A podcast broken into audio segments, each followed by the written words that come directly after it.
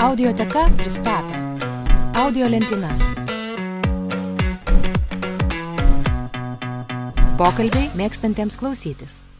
Ar nėra taip, kad žmogus nusiramina tapęs savimi maksimaliai prieartėjęs prie savo esmės? Ar vis tik tu sakytum, kad tas kitas žmogus, va tavo gyvenimo meilė ir vaikai, tai irgi dar viena gyvenimo meilė atsiradė tavo gyvenime, jie tau padėjo nusiraminti kažkaip tai? Mhm, jo. Į mane kamavo egzistencinis nerimas. Sienos ant kiekvienos lentelės buvo kažkas išrašinėta, tarsi nagais, tarsi išbraižyta. Ir kai aš pažiūrėjau arčiau, buvo parašyta išleiskit mane.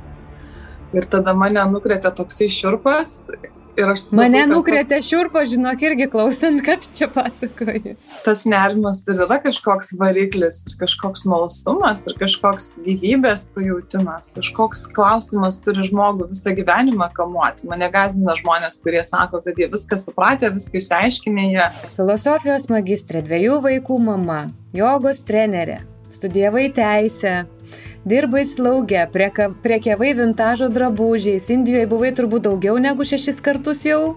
Čia pagal tą straipsnį Ne, buvo šeši kartai. Šešis, ar ne? Tokios skirtingos veiklos. Žinok, mane irgi plaka, plaka. Kodėl jūs rašot, jūs dainuokit ir jums bus gerai. Sakau, jums bus geriau, kad aš tik dainuosiu. Sakau, man ir rašyti norisi.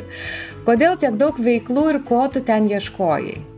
Mano vyras man žada pastatyti krosnį, kad galėčiau molio puodus žiesti, nes aš dabar dėl japoniškos keramikos išprotėjusi esu. Ir tokia kaip vaikas, taigi pamatęs pasaulį ir aš labai noriu tą išsaugoti vaikos smalsumą, nes man viskas yra wow. Be to labai gazino tie komentarai. Atsimenu, labai džiaugiausi, kad pasirinkau pseudonimą, kai mano išėjo pirma knyga ir pirmas interviu Delfija. Aš galiu pasakyti, kokie komentarai buvo. Pavyzdžiui, man, nes man įstrigo visam gyvenimui, aš nemaniau, kad žmonės taip gali šnekėti. O kitas sakė, nežinau, gal tu uždėsi pyp čia, sakė, "Bjū karalienė. Pavyzdžiui, nu tai šiek tiek yra trauma 23 metų panai. Man toks, žinai, rykštaitė biški. Galima, kaip sako, liežuvis e, plaka skaudžiau negu rykštė. Tai va irgi man, man labai patiko tas. Kartais liūdna, kad manęs tėvai ne, neskatino į jokį meną atsigręžti. Aš buvau auklėta kaip stoti į teisę tik tai. Į teisę neįstojau, tai įstojau į filosofiją, nes antroje vietoje parašiau. E, Bet niekada net nebuvo minties, kad, pavyzdžiui, galima būtų bandyti save, savyje ieškoti meninės raiškos. Yra netgi tokia teorija, kad kiekvienas netgi intimiausią dienoraštį rašantis žmogus, jisai pasąmonėje tikisi skaitytojo, kad kažkas paskaitys, tas noras būti pamatytam, išgirstam. Kokia tau buvo krizė, dėl ko ta ranka lūžo ir kur tavo gyvenimas, va taip, koks tas buvo dvasinis lūžis, kur ar psichologinis, ar emocinis, kuris tave nukreipia visiškai į kitą šalį, į kitą pasaulio kraštą. Kai kurie giminės labai puolė, kad aš nevykėlė, va, pažiūrėk, ten beveik 30 metų dar netekėjus ir be vyro ir be darbo, dabar va ranka sulūžo ir žiūrėk, ir ką tu dabar darysi, kai tau ranka sulūžo. Ar aš tikrai jaučiausi Ir džiaugiasi visi, žinai, Jeigu galėčiau pasakyti vienu sakiniu, tai turbūt nebūčiau tos knygos rašysi, nes ta knyga atsirado iš to begalinio noro išžodinti tai, kas su manimi vyksta.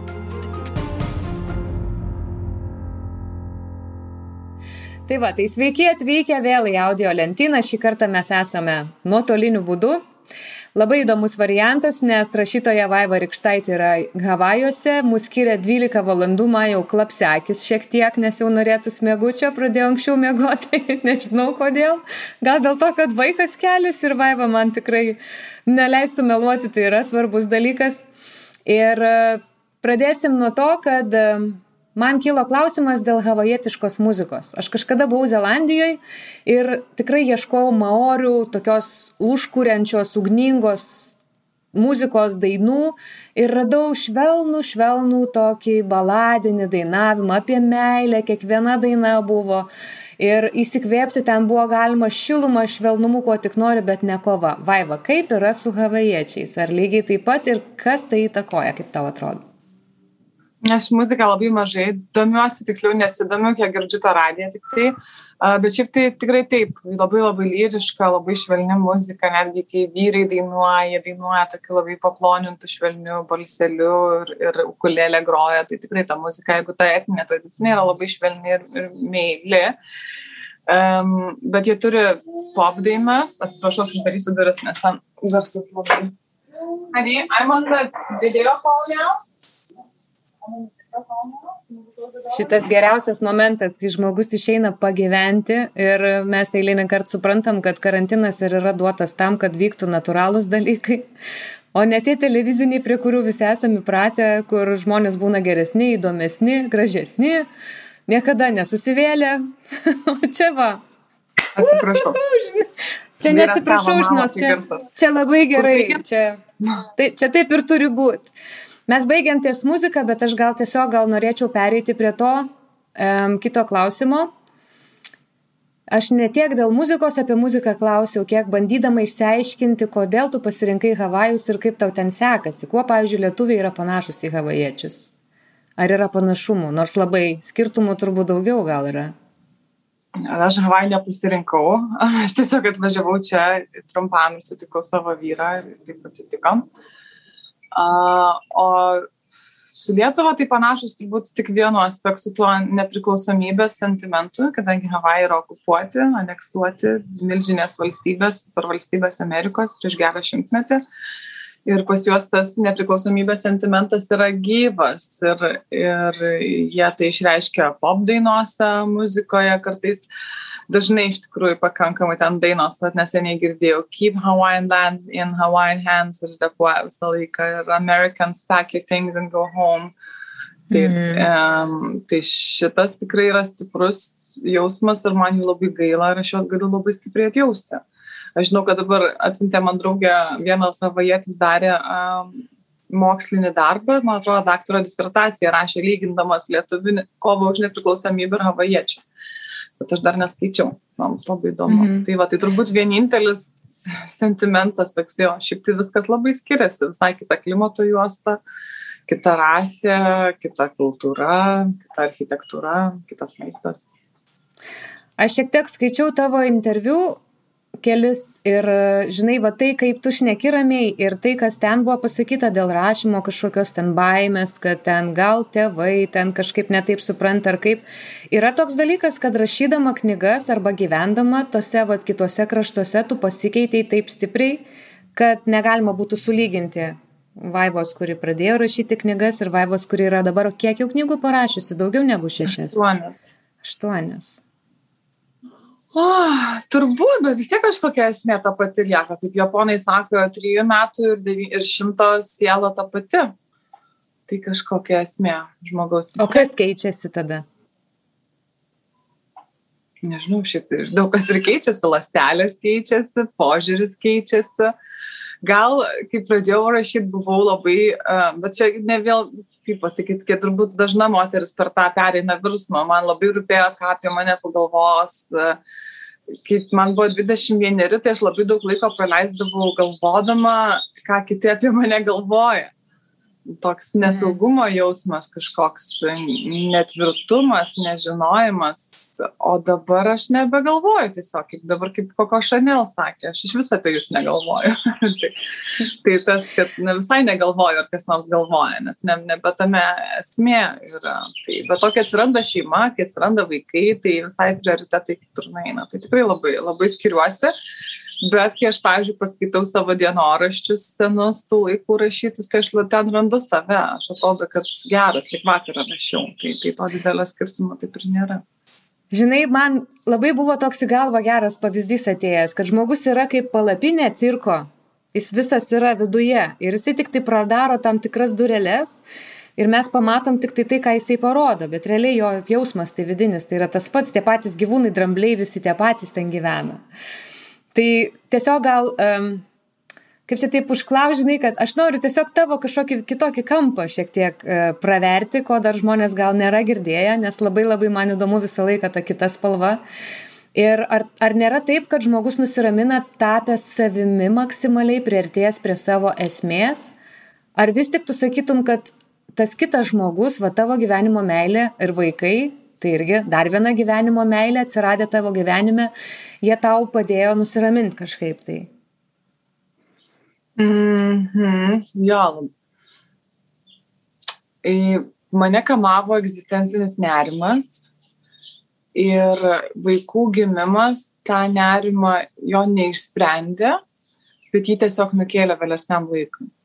Ir iš pradžio atrodė, kad jo visai nebėra, tarsi jisai nutilo, kai buvo vaikai kūdikiai, kai jiems reikėjo ma, ma, iš manęs gerti pieną, prie manęs glaustis, tai buvo aš tokio užimta ir tokio euforijai, kad atrodė, kad nebegali būti to egzistencinio nerimo. Nors širdie žinojau, kad jokių atsakymų aš negavau, tik tai jie tiek latas pats gyvenimo klausimas iškils vėliau. Ir dabar, kai mm, vaikam mane truputį mažiau pradeda reikėti, aš pradedu jausti, kad tas egzistencinis nerimas sugrįžta. Tai vis dėlto e, jį galima šiek tiek numalšinti, bet man atrodo, kad išspręsti reikia pačiai visada. Tai, tai nežinau, ar, ar tas vyras ir vaikai gali būti visiškų sprendimų, nes jeigu tai būtų sprendimas egzistenciniam nerimui, tai būtų visiškas savęs netekimas, o po to nenoriu.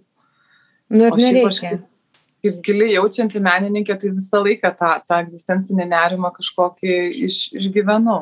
Ir jo, tai vat, hormonai, vaikai, žindimas, vyras, būtis šiek tiek užtildė jį, bet, e, bet paskui vieną kartą buvo, aš sapnavau tokį baisų sapną. Aš sapnavau, kad aš esu dideliam gražiam name, kurį mes su vyru nusipirkom ir mes kaip tik ir buvom nusipirkę namą neseniai, bet sapne tas namas atrodė aišku kitaip ir ten aš e, tą namą apžiūrinėjau, vaikščiau ir ten viskas buvo labai tobula, bet labai modernu ir šalta. Ir tada aš radau skladuką, tokį medinį sandėliuką ir kai jisai buvo darom durim ir aš supratau, kad jame kažkas buvo uždarytas. Ir kai aš įėjau vidų, tas e, e, sandėliukas iš vidaus buvo medinis, raudonas ir ant kiekvienos sienos, ant kiekvienos lentelės buvo kažkas išrašinėta, tarsi nagais, tarsi išbraižyta. Ir kai aš pažiūrėjau arčiau, buvo parašyta išleiskit mane. Ir tada mane nukrėtė toksai šiurpas Supratau, Mane nukrėtė tas... šiurpo, žinok, irgi klausant, kad čia pasakoji.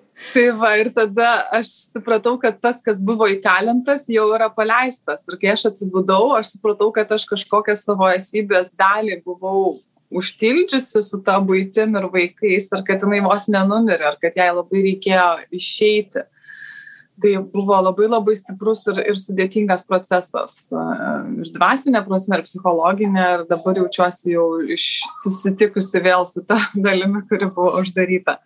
Man atrodo, gal tai yra natūralūs procesai, turbūt dažnai moteriai vykstantis, bet gal, gal ir, ir jūs suprasit, kad vat, per muziką, per rašymą, per bet kokį meno mediumą tie dalykai yra jautriau išgyvenami.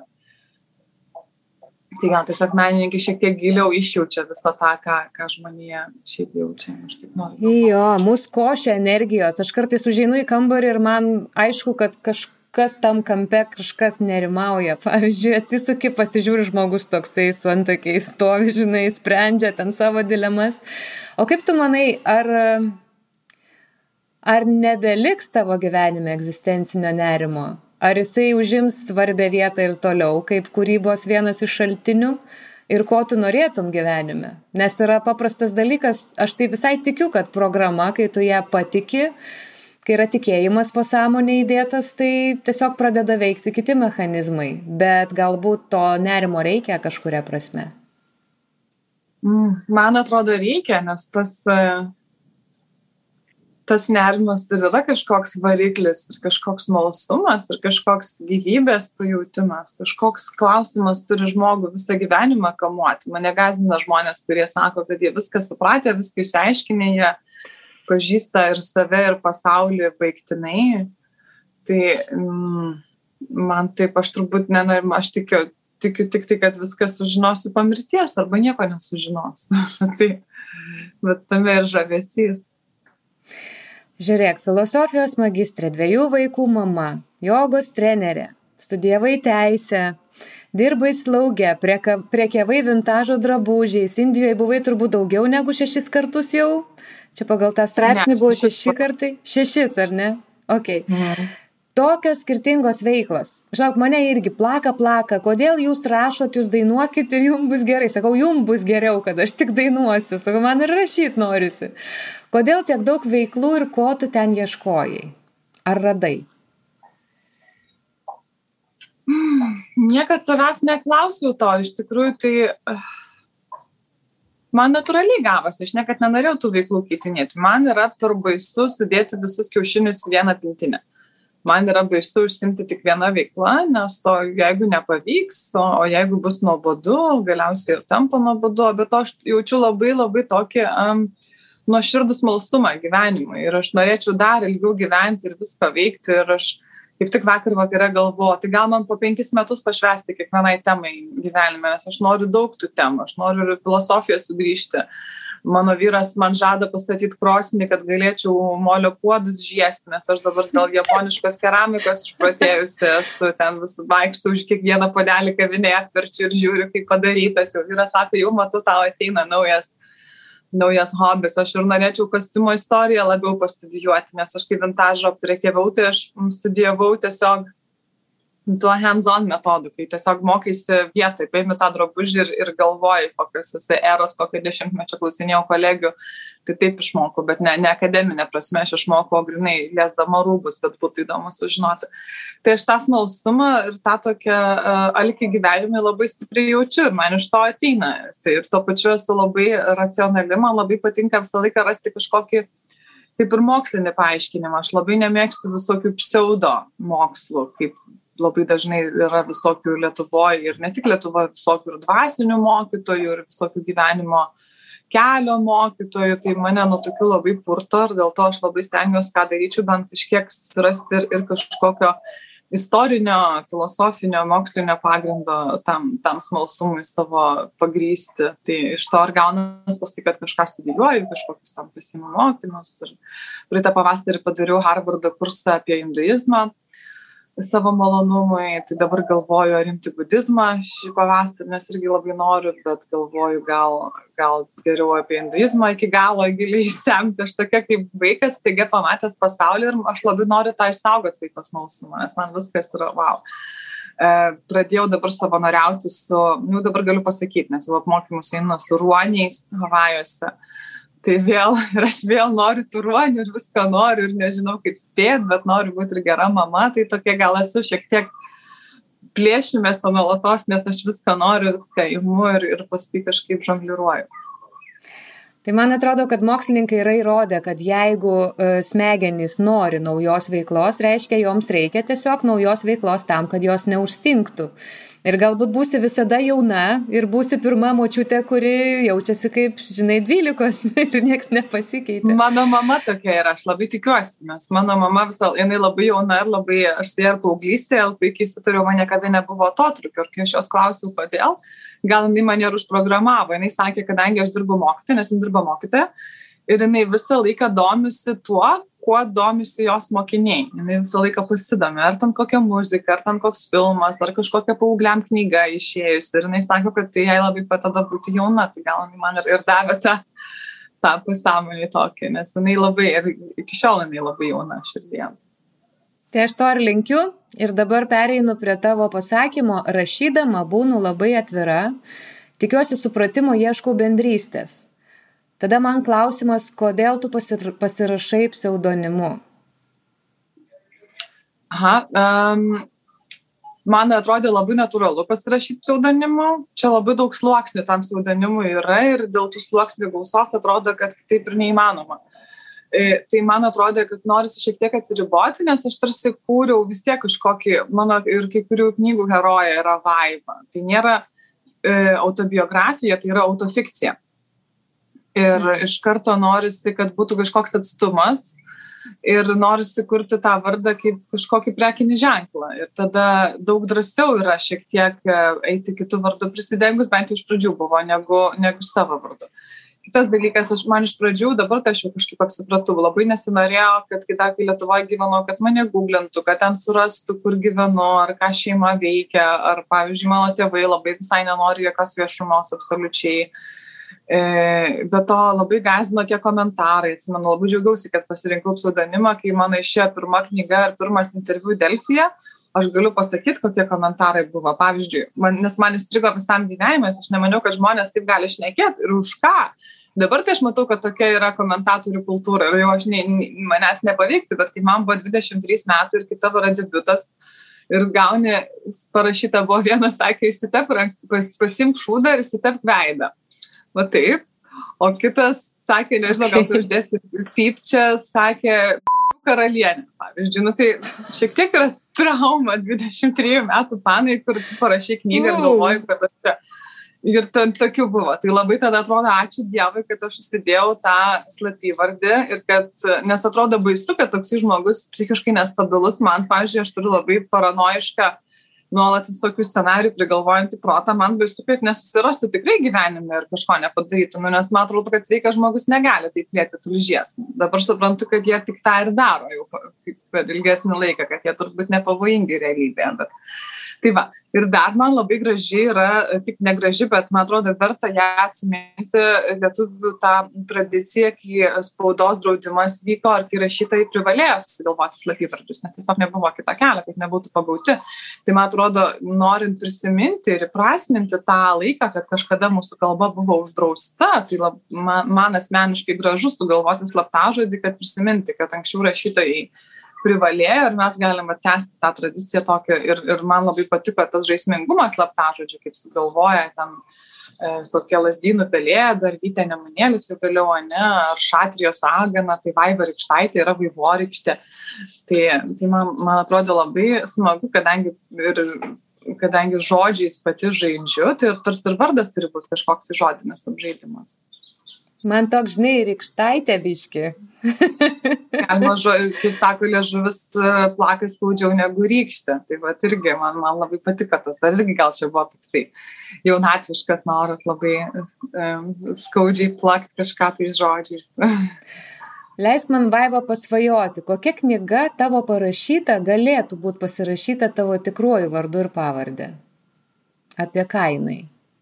Ai gal biografija, kai būsiu tokio amžiaus kaip draugulėtytė ir jau galėsiu viską papasakoti vyro, nes... Sakys, ta nauja rašytoja, kur čia parašė, dabar nieks nežinos, kad čia tu tada, kai parašysi tikrą vardą pavardę.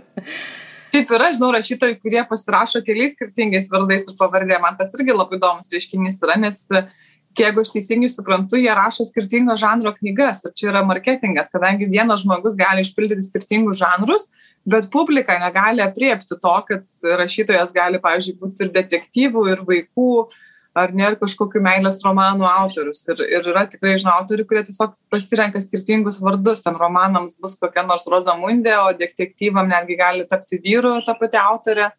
Ir nieks nežino savo vaikam dar, dar kokį nors. Tai čia turbūt yra publikos nesugebėjimo apriepti daugelį piškumo, kurie problema. Gerai, kaip suradai rašymą ir ką jis atnešė į tavo gyvenimą? Kam jis tau iš viso reikalingas buvo? Yra. A, tai rašymas turbūt yra vienintelis dalykas, kuriam nereikia daug įrankių. Nežinau, a, man kartais liūdna, kad manęs tėvai ne, neskatino į jokį meną atsigręžti. Aš buvau auklėta kaip stoti į teisę tik tai. Į teisę neįstojau, tai stojau filosofiją, nes antroje vietoje parašiau E, bet niekada net nebuvo minties, kad, pavyzdžiui, galima būtų bandyti save, savyje ieškoti meninės raiškos, ar, ne, ar ją monetizuoti, tai čia iš viso neįsivaizduojama. Tai bet tas pašaukimas viduje buvo, tas kažkoks vidinis nerimas, bet aš neturėjau nei teptukų, nei drobės, nei nemoku, nemoku groti jokių muzikos instrumentų, ar ne? Tai vienintelis dalykas, kam nereikia jokių papildomų įrankių, tai yra žodžiai. Ir tada man, man reikia ir tą pamėginti. Iš pradžių gal pačiai savo, o paskui kažkaip tos knygos pradėjo man rašytis labai entuziastingai. Bet aš visą laiką jaučiu, labai noriu pabandyti kažką kitą, kažkokią kitą uh, raiškos būdą tam pačiam jausmui, kurį savį nešiojas išreikšti. Labai gražiai pasakei, tas pats jausmas, skirtingos, e, skirtingos, skirtingi būdai jam išeiti. O man labai buvo gražu skaityti tavo interviu, kad tu tiesiog atvirai prisipažįsti, kad pradžioje rašymas buvo tarsi kažkoks būdas įrodyti savo tėvams, kad tu nesi rašytojėlė, kad tu esi rašytoja tiesą pasakius į sceną aš atėjau, kad irgi kažką įrodyt, kad aš esu, nes aš esu ketvirtas vaikas šeimoje, kas yra ketvirtam labai aišku, apie ką aš neku. tai va, ir kaip pasikeitė šitas dalykas? Ar dar jauti, kad įrodinėjai kam nors, ar jau įrodėjai ir ką? Kaip pavyko? O koks geras klausimas, reikia irgi pagalvoti, niekada negalvojau. Turbūt dar įrodinėjau, kaip pasakyti. Ir, ir taip ir ne aš va kaip tik vakar su draugė kalbėjau, aš visą laiką rašau tikrai taip, kaip man patinka, nepataikaudama auditorijai, tikrai, kad iš, man turi būti malonumas rašyti nes iš to rašymo finansine prasme tikrai nėra tokių pinigų, kad apsimokėtų rašyti ir savo gyvenimo laiką leisti tam, kas nepatinka. Aš galiu kokį kitą darbą susirasti ir veikti ir, ir kartais ir veikiu ir iš to daugiau uždirbu. Tai reiškia, rašymas turi man, man pirmiausia teikti kažkokį pasitenkinimą. Bet aš nenoriu ir apsimetinėti, aš vis tiek kuriu tą struktūrą, kad jinai būtų ne vien mano halucinacijos, bet šiek tiek suvokiama skaitytojui išoriai, nes man atrodo, yra netgi tokia teorija, kad kiekvienas netgi intimiausią dienoraštį rašantis žmogus žmogus, jisai pasąmonėje tikisi skaitytojo, kad kažkas tas skaitys, tas noras būti pamatytam, išgirstam. Bet, pavyzdžiui, jau gal mano šeima apsiprato su, su ta mano tapatybė, bet aš labai norėčiau, pavyzdžiui, daugiau pripažinimo iš literatūros establishmento, nors gal vėl, gal, gal aš čia, aš esu rašytojų sąjungos narė, tai jau čia labai gerai, bet aš, pavyzdžiui, svajoju, kad mano knyga būtų metų knyga, nors kartą bent, bent nominuota. Uh, ar kokį nors visų gavus vieną apdovanojimą, Kazio Bariano literatūrinę premiją, bet visą laiką norisi daugiau kažkokio tarsi patvirtinimo, nes aš, pavyzdžiui, nesu tikra, ar aš esu tiesiog, aš tikrai nuoširdžiai nežinau, ar aš esu tiesiog šudina pops autorė, kurią perka dėl to, kad daug Facebook'e turiu sekėjų, ar aš tikrai turiu kažkokią literatūrinę vertę. Ir aš žinau, kad niekas negali lyg ir atsakyti į tą klausimą, gal laikas parodys, bet labai norisi kažkokio pasakymo iš tų vyresnių, iš tų rašytojų elito, kad kaip čia viskas yra. Aha. O kaip tu apibūdintum savo rašymo stilių? Va, tarkim, aš tai netikiu tais dalykais, kad vieni geresni, kiti negeresni, nes prizą gausi, tada reikės atsakyti už tą prizą, pavaryti dar geriau, žinai, o kaip tas mhm. geriau nieks nepasako. Tai vad vis tiek yra kažkoks unikalumas ir tu esi unikali rašytoja, kaip ir kiekvienas žmogus, kuris kažką tai rašo.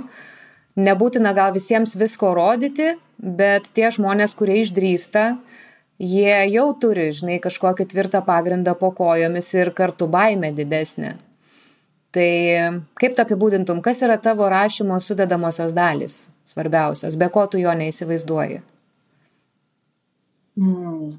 Tai čia nežinau, ar kalbame apie tą dvasinę pusę ar apie praktinę šiaip, kad rašyčiau, tai man reikia kažkokio nepatogumo, kažkokios minties, um, galbūt emocijos, kurią aš noriu perdėti ir išgyventi. Pavyzdžiui, kai rašiau Lizos būtą, aš labai norėjau uh, sukurti personažą pagrįstą savo mama, nežinau, ar man pavyko. Labai patinka žmonėm, kas skaitė, bet aš, mano mama yra tiek daug daugiau negu ta mama, kurią man pavyko pavaizduoti visos būte. Bet, tarkim, man, man, aš labai norėjau sugauti tą savo mamos ugnį ir įdėti į knygą. Ir vien iš to radosi visa knyga. Iš to noro parodyti, kokia mano mama yra iracionali ir, ir ja. E, ir nuostabi. E, o praktinė pusė, tai kaip Virginia Woolf sakė, reikia moteriai atskiro kambario. Tiesiog reikia tos erdvės ir tylos, kad mane paliktų vieną. Ir man tikrai mhm. didelis malonumas yra. Pavyzdžiui, jeigu vyras sakys, važiuojam į pležą, aš sakysiu, ai gal važiuokit jūs vieni, o aš liksiu su savo kompiuteriu ir aš ten dėliosiu tos žodžius ir, ir jausiu malonumą. Mane labai muzika įkvepia kartais, tikrai, aš, pavyzdžiui, paklausau kokią nors dainą ir aš tarsi pajuntu tą ritmą ir nuotaiką ir po to aš sėdu prie teksto ir bandau tarsi groti tą patį ritmą ir, ir nuotaiką žodžiais ir man tas labai pakilė. Tai man atrodo, tu ir atsakėjai, žinok, aš nesu kritikas literatūros ir ačiū Dievui niekada nebūsiu. Bet man atrodo, geriausias rašymo būdas yra, kai tu šneki savais žodžiais, papasakodama tai, kas jau yra įvykę ir taip randasi ta metafora kiekvieno asmeninė. Ir um, Man atrodo, dėl to žmonės ir užkabina, juos užkabina tai, kad jie pamato tavo matymą iš tam tikrų kažkokių švelnių elementų, kuriuos tu savaip sujungi. Ir aš niekada neparašyčiau kaip tu rašai, o tu neparašytum kaip aš. Ir dėl to tą lyginti yra beprasmiška. Aš dėl to, dėl tų visų prizų, aš labai linkiu tau visų prizų. Bet jeigu sakai jau nelabai svarbu, ką kiti žmonės pasakys, tai dažniausiai tas prizas ateina tada, kai tu jau nebegalvoji iš viso apie jokius prizus, ir susirandi tą savo būseną kažkokią, kuri yra jau mm, laiko užsimiršimas, kūryba ir va tam vienam kambarį tu sėdi su savo meilės trikampio dar vienu dalyviu kompiuteriu, kur Dabar girdėjau, kad psichologai sako, kad tai yra, tai yra meilės trikampis. Viskas. Vyras, žmona ir kompas arba telefonas. Įrodyta moksliškai.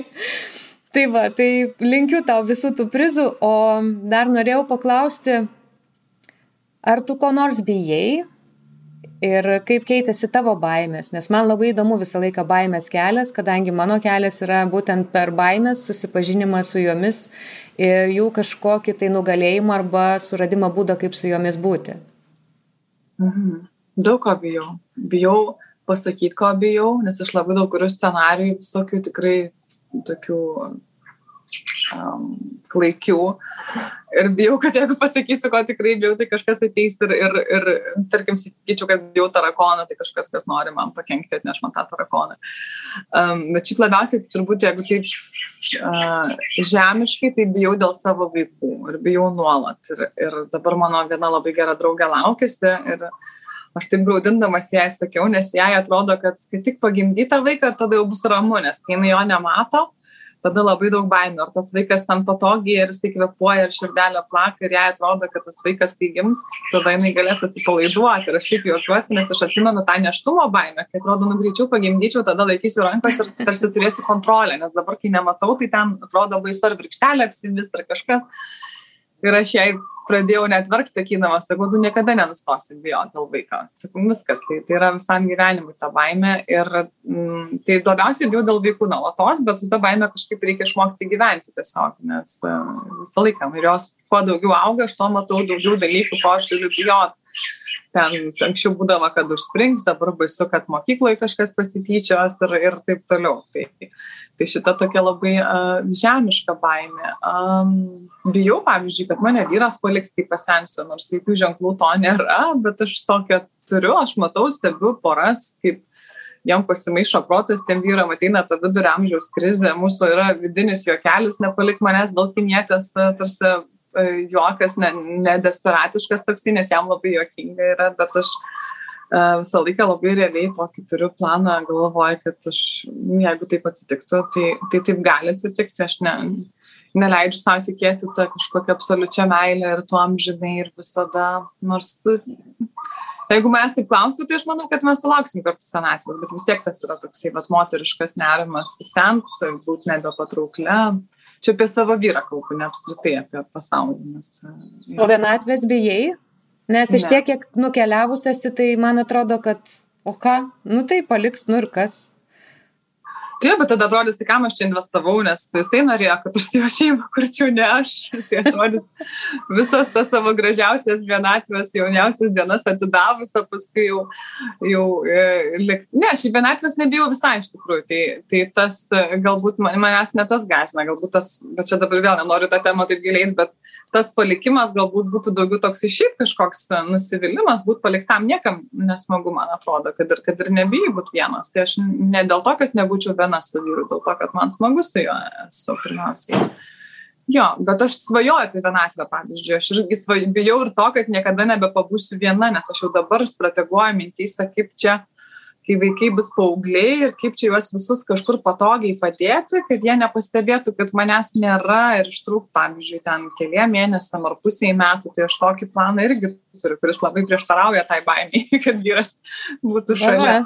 Tai va, nes aš norėčiau tikrai ir budizmą giliau pasinerti ir tiesiog tos vienatvės labai aukstu irgi. Tai va irgi bijau, kad niekada nebūsiu viena.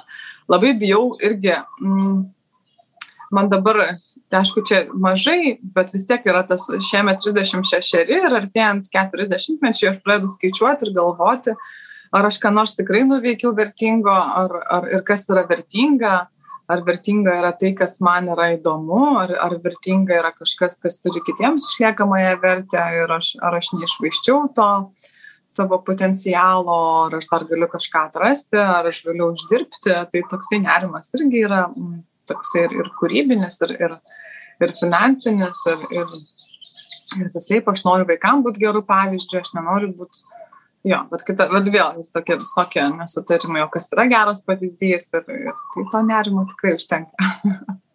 Žinai, man atrodo, kad vertinga yra įsikvėpimas, jeigu tu jį turi surandi kažkokį tai, vat, gal vieną, gal kelis šaltinius, kad įsikvėpti.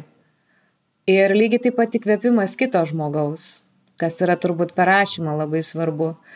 Ir čia norėjau paklausti,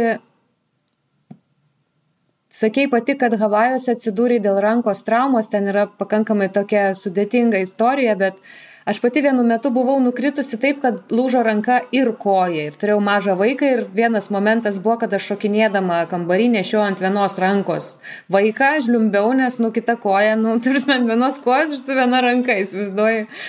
Tai norėjau paklausti, nes iš tikrųjų man buvo krizė tada ir aš dėl to sulūžau kokia tau buvo krizė, dėl ko ta ranka lūžo ir kur tavo gyvenimas, va taip, koks tas buvo dvasinis lūžis, kur ar psichologinis, ar emocinis, kuris tave nukreipia visiškai į kitą šalį, į kitą pasaulio kraštą.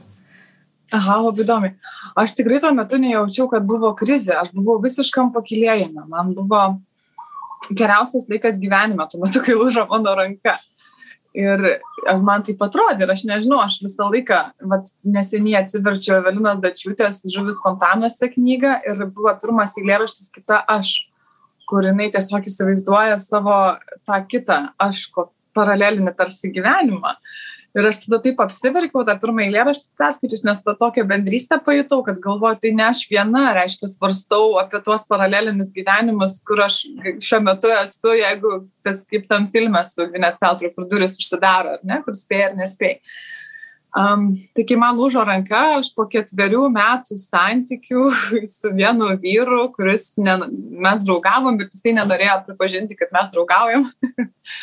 pagaliau atvažiavo susipažinti pas mano tėvus ir mes suplanavome kraustytis į New Yorką ir aš buvau bepradedanti e, savo jogos verslą Londone. Tai viskas atrodė labai labai exciting, tokio lietuviško žodžio nėra, labai jaudinantis buvo gyvenimas ir, ir labai smagu ir, ir labai viskas buvo puiku ir tada man lūžo ranka Vilniui kaviniai. Ir aš atsimenu ligoniniai galvo, gulėjau tokioj nevilti, nes aš negaliu dirbti, aš ir vintažų negalėjau tada dirbti, man rankų reikia ir su neįgaliai žmonėm negalėjau, apie jogos pradėjimą sulūžusią ranką, tai net kalbos nebuvo. Ir aš tada, kai ligoniai gulėjau, vis tiek buvau labai nusiteikusi optimistiškai, galvoju, nu, bet kažkas vis tiek gero turi būti, galvoju, kaip smalsu dabar, kas, kas iš šito bus, nes nu, negali būti, kad bus blogai bet buvo labai man stipri krizė po to, po to, kai lūžo ranka, aš tada Londone nebegalėjau mokėti savo nuomos, e, tas mano vaikinas, jis tai išskrido kitą dieną savais keliais į New Yorkus ir, ir sakė, pasiskambinsim. Kitą dieną. Taip, jis turėjo bilietą. Viens, du. Kitą dieną jo nenukėlė. Tai aš tada supratau, kad man tokio žmogaus nereikia, kuris išskrenda kitą dieną. Uh, um, man buvo dvi operacijos, pusę metų fizioterapija ir aš likau pas mamą ant sofos. Vietoj visų savo darbų ir svajonių aš likau pas mamą. Mane mama slaugė ir mane kai kurie giminės labai puolė, kad aš nevykėlė, va, pažiūrėk, ten beveik 30 metų dar netekėjus ir be vyro ir be darbo, dabar va rankas sulūžo ir žiūrėk, ir ką tu dabar darysi, kai tau ranka sulūžo. Ar aš tikrai jaučiausi. Ir džiaugiasi visi, žinai, kad tau kažkodėl va čia negerai, nes jiem tada geriau negu tau ir kažkaip požiūris. Man buvo labai skaudu ir aš dabar, kai žiūrėt, gal tai tikrai tarsi paukštis su tuo lūžusiu sparnu pasijutau, kur nu, negali skristi be, be to sparno. Tai. Ir paskui aš pasimeldžiau, kad man duotų visą tą ženklą ir tada aš gavau emailą apie Havajus. Ir aš tai kaip visą tą ženklą ir skridau tenai.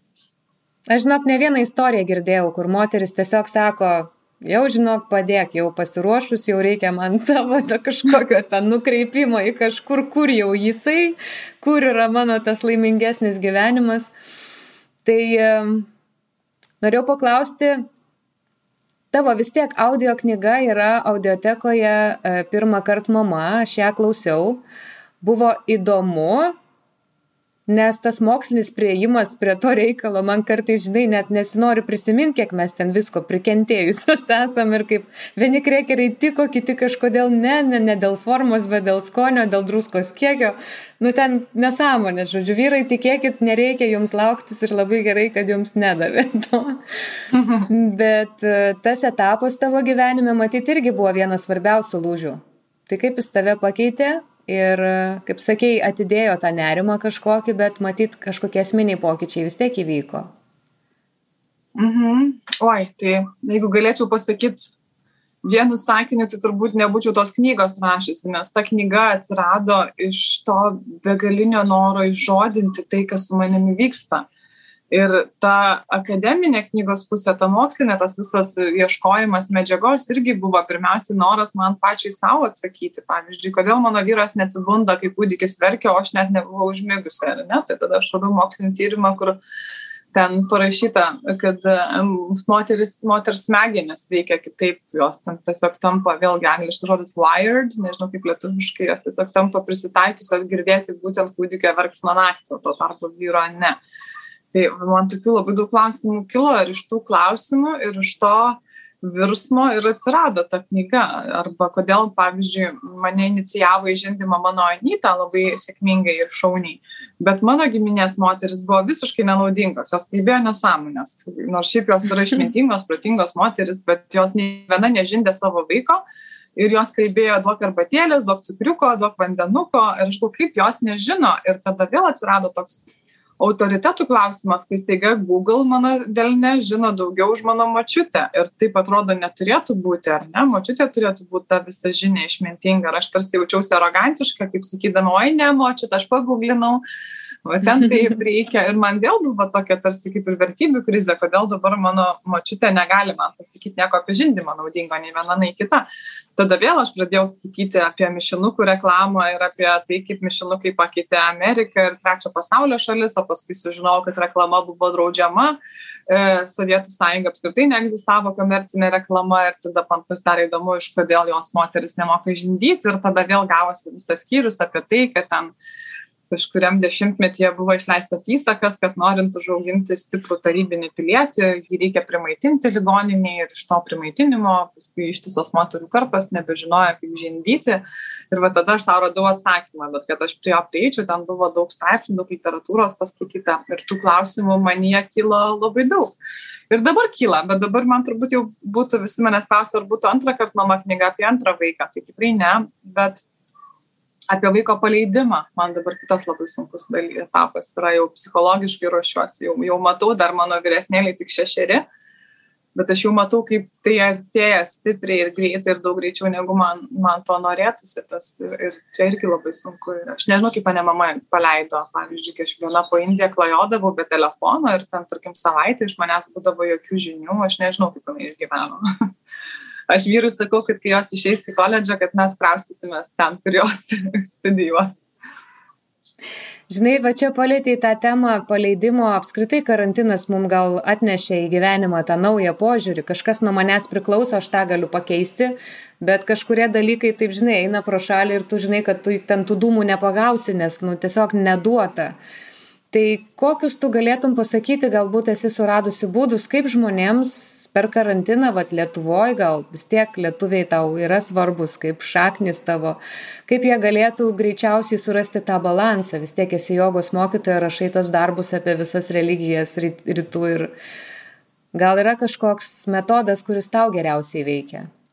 Mm -mm, ne, tai ne, labai šiaip vengiu duos patarimus, nebent kokiai labai gerai draugiai, kur situaciją labai gerai žinau, nes labai nenoriu įsijausti tą visą žinias arba absoliutinančias kažką vaidmenį. Jogos irgi jau nemokau metus, nuo tada, kai dar prieš karantinai prasidedant aš susirgau, po to skridau į Lietuvą ir po to prasidėjo tas visas lockdownas ir, ir iki šiol dar negrįžau Um, nežinau, pas mus to karantino nėra, tai man sunku atjausti, jeigu nuoširdžiai. Ir aš Lietuvoje tą karantiną paragavau gal 10 dienų ir aš iškart supratau, kad Havai mano namai ir grįžau į Havajus ir, ir labai nejautriai, nes čia sode būti geram klimate lengviau negu būte šaltyje. Tai aš tikrai neįsivaizduoju, kokį psichologinį um, sunkumą jaučia žmonės. Tiksliau įsivaizduoju, nes labai trumpai paragavau, bet išbūti visą žiemą man sunku suvokti kita vertus aš žinau kad jeigu ne darbai tai aš tai priimčiau kaip labai gerą progą vartoti turinį. Nes pavyzdžiui aš turiu kalnus knygų ir filmų ir aš kartais tikrai netgi svajoju kad susirgčiau nes kai susergu arba kai lyja lietus aš tada gaunu progą tiesiog būt namie ir vartoti turinį. Tai man klausimo pavyzdžiui ką veikti gyvenime niekada nekyla. Tai tai vat nebent į tą ką veikt klausimą tai sakyčiau kad tai yra proga studijuoti onlaine ir ir ir vartoti turinį tą kuriam paskui nebus laiko ar ūpo kai bus galima išeiti iš namų nueiti į muziejų Nes tai yra labai gera galimybė iš tikrųjų kažką, aš, pavyzdžiui, pati pabaigiau, sakiau, at Harvardo kursą apie hinduizmą pavasarį pernai. Tai buvo pas mus tada buvo būtent tas lockdownas, kai mums irgi negalima buvo išeiti niekur gal tris mėnesius. Bet mes dirbom sode, kadangi geras oras ir išeidavom tiesiog po gatvytę pasivaikščioti, bet aš kiekvieną vakarą įsijungdavau kompiuterį ir po keletą valandų studijavau ten, ten labai paviršutiniškai, nes ten, kadangi visą hinduizmą apimti vieno kurso metu, tai ten buvo daugiau apie šventraščių hierarchiją, taip pasakykime gilyn neneriant, bet vis tiek buvo labai įdomu. Ir, pavyzdžiui, džiugiuosi, galvoju, o, jau pasidariau kažką per tuos kelias mėnesius. Tai, mhm. tai man atrodo, kad e, tiesiog į tą patarčiau pasinerti, kad nes tas laikas toks įdomus. Aš, pavyzdžiui, vat, kartais būna, kol svarstau, ką veikti ir nieko nenuveikiu. O paskui dabar galvoju, septyneri metai Havajuose. Jeigu aš būčiau pradėjusi mokytis kalbą, aš jau dabar mokėčiau laisvai havajiečių kalbą ar ne, bet aš visą laiką galvoju, tai aš čia laikinai, aš čia tik dar metus pabūsiu ir mes su vyru kraustysimės kažkur. Ir jau septyni metai praėjo ir mes tikrai planuojam kraustytis, bet kas vis čia žino kada. Tai aš va tą labai pagalvojusi, labai supratau, kad kasdien pamažu galima daryti ir ta, tas laikas labai naudingai praeina. Tai man atrodo ir su tuo karantinu tai kad ir kaip sunku kasdieną, bent jau aš kažką daryčiau vieną kažkokį dalyką ar būdu, ar ten kažkokį kalbos appsą parsisiųsti, ar kažkokį knygos puslapį. Aš, pavyzdžiui, dėl knygų rašymo, kai mentorinu, nu, tą savo kursą padariau apie knygų rašymą, tai aš pasakoju, aš parašiau penkias knygas gimus mano vaikam. Bet aš rašiau po puslapį per dieną nes kai paskaičiuojam kiek metuose yra dienų tai gaunasi daugiau negu viena knyga per metus. Jeigu parašom tik vieną puslapį per dieną ir daugiau niekada daugiau nereikia nes tada aš labai nemėgstu mėtytis tą ekstremalumą, kai ten dieta badas, o po to prisižiūrimas šokolado, arba ten vieną dieną iš įkvėpimo rašyti dešimt puslapių, o po to savaitę gyvaliotis ir tvarkyti namus, kurie buvo apleisti. Tai man labai patinka tiesiog tas po, po truputį. Tai man atrodo ir karantinai galima tą taisyklę pritaikyti. Bet čia viskas labai individualu. Jo, tai karantiną aš tau galiu trumpai nušviesti, kadangi esu senos žmogus, tai man karantinas yra tiesiogiai kirtęs per visur, kur tik įmanoma. Ir aš jam už tai labai dėkinga, dėl to, kad suradau rašymą, suradau galimybę dirbti savo užmestų žurnalistinius darbus, kas yra šita laida, kurią aš labai džiaugiuosi, nes aš iki jos nebūčiau prieėjus, jeigu nebūtų karantino. Atsiprašau, kuriems jis iš tikrųjų vien tik minusus atnešė, bet man atrodo priklauso nuo požiūrio Ir daugelis menininkų ir atlikėjų, aš manau, kad jie, nu, jie pasibėdavoja, bet e, tie, kurie buvo apsukrus žmonės, tai jie kažkaip išsisuko ir panaudojo tą karantiną savo naudai, aš manau. Tai va tas mhm. panaudojimas pajungti tas jėgas, kurios nekontroliuojamos, taip, kad jos tiesiog taptų vėjų kažkokiu, žinai, ant kurio tu ten kažką tai ten skraidai ar ten dar kažką prisigalvoji pats. Tai aš manau, kad tai yra tiesiog mums e, mestas kažkoks iššūkis pereiti į kitą lygį. Ir tie žmonės, kurie perėjo į kitą lygį, jie sustiprėjo. Tai va, tai žinok, Vaiva, kad mes tavęs laukiam Lietuvoje visą laiką. Jeigu atvažiuosi, tai už, užkeliauk į svečius. O Kitas dalykas dar man visai patiko, e, dabar labai labai žmonės daug pradėjo domėtis ir psichologija, ir emociniais kažkokiais tai ten patobulėjimais, ir jie tiesiog pradėjo judinti tai, kas buvo galbūt užstingę.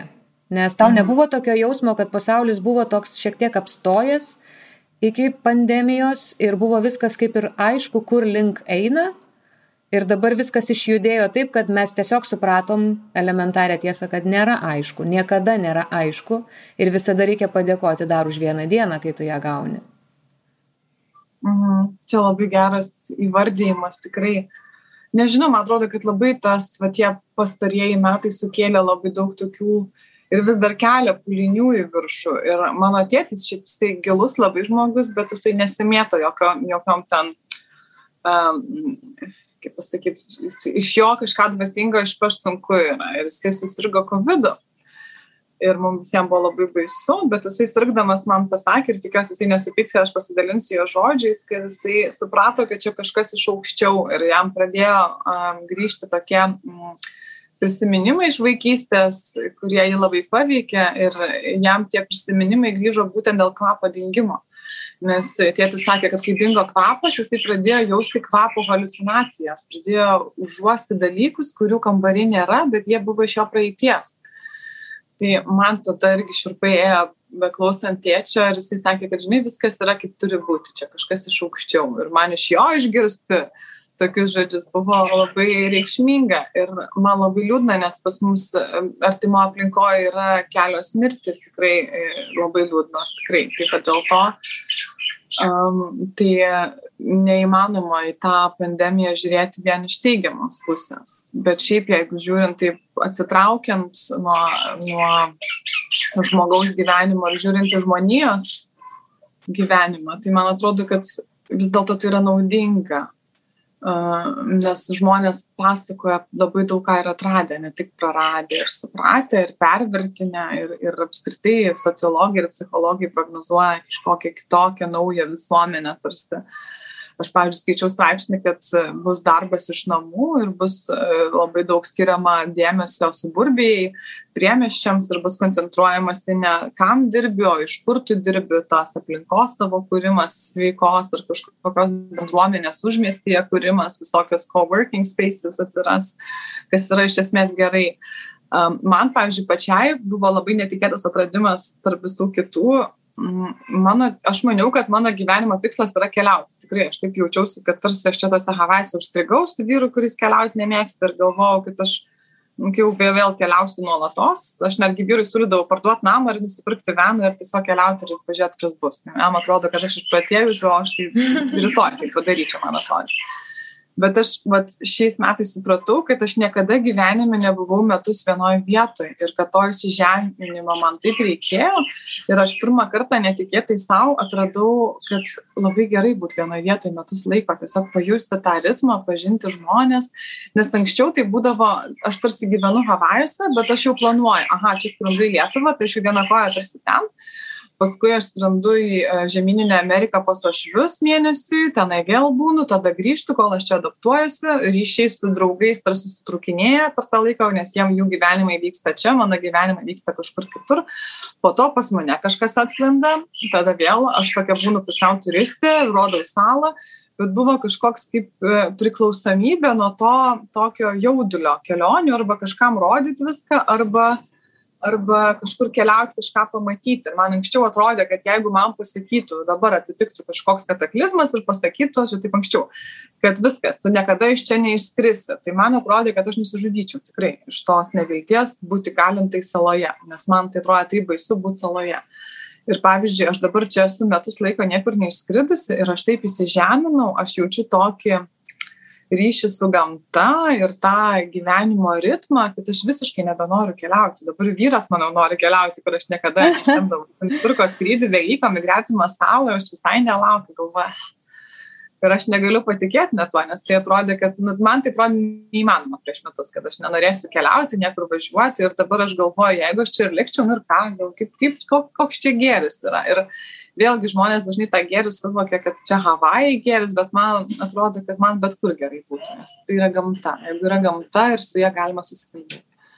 Žinai, aš tau nepavydžiu ir labai labai džiaugiuosi, kad yra mano pirmi metai, kur aš tikrai visiškai nepavydžiu žmogui, kuris yra va, tikrai geresnė more, šiltesnėm ir panašiai, nes šiais metais suradau bėgimą ir iš tikrųjų ta gamta lietuviška jinai yra, kai tu ją ateini ir atrandi, jinai tau pasirodo, bet jeigu tu ją žiūri pro langą, tai taip, purvo daug, ten sniegas tirpsta ir panašiai.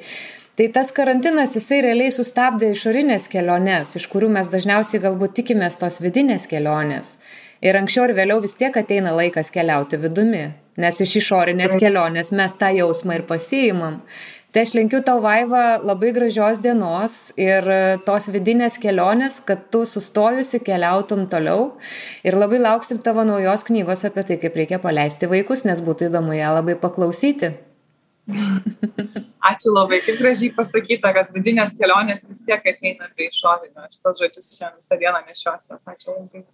Jėga. O aš dar primenu, kad audiotekoje galite tiesiog nešiotis kartu su savimi į gamtą, dirbdami darbus, plaudami indus ir šiaip čilindami prie baseino galite įsidėti jausis knygą, kuriai nereikės skirti viso laiko ir tai yra didžiausias audio knygų pliusas.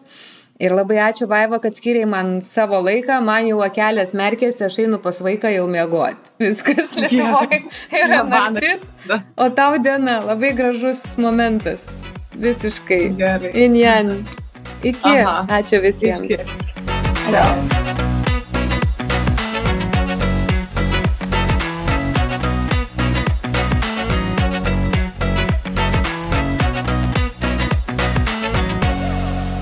Daugiau knygų tavo ausims audiotekoje.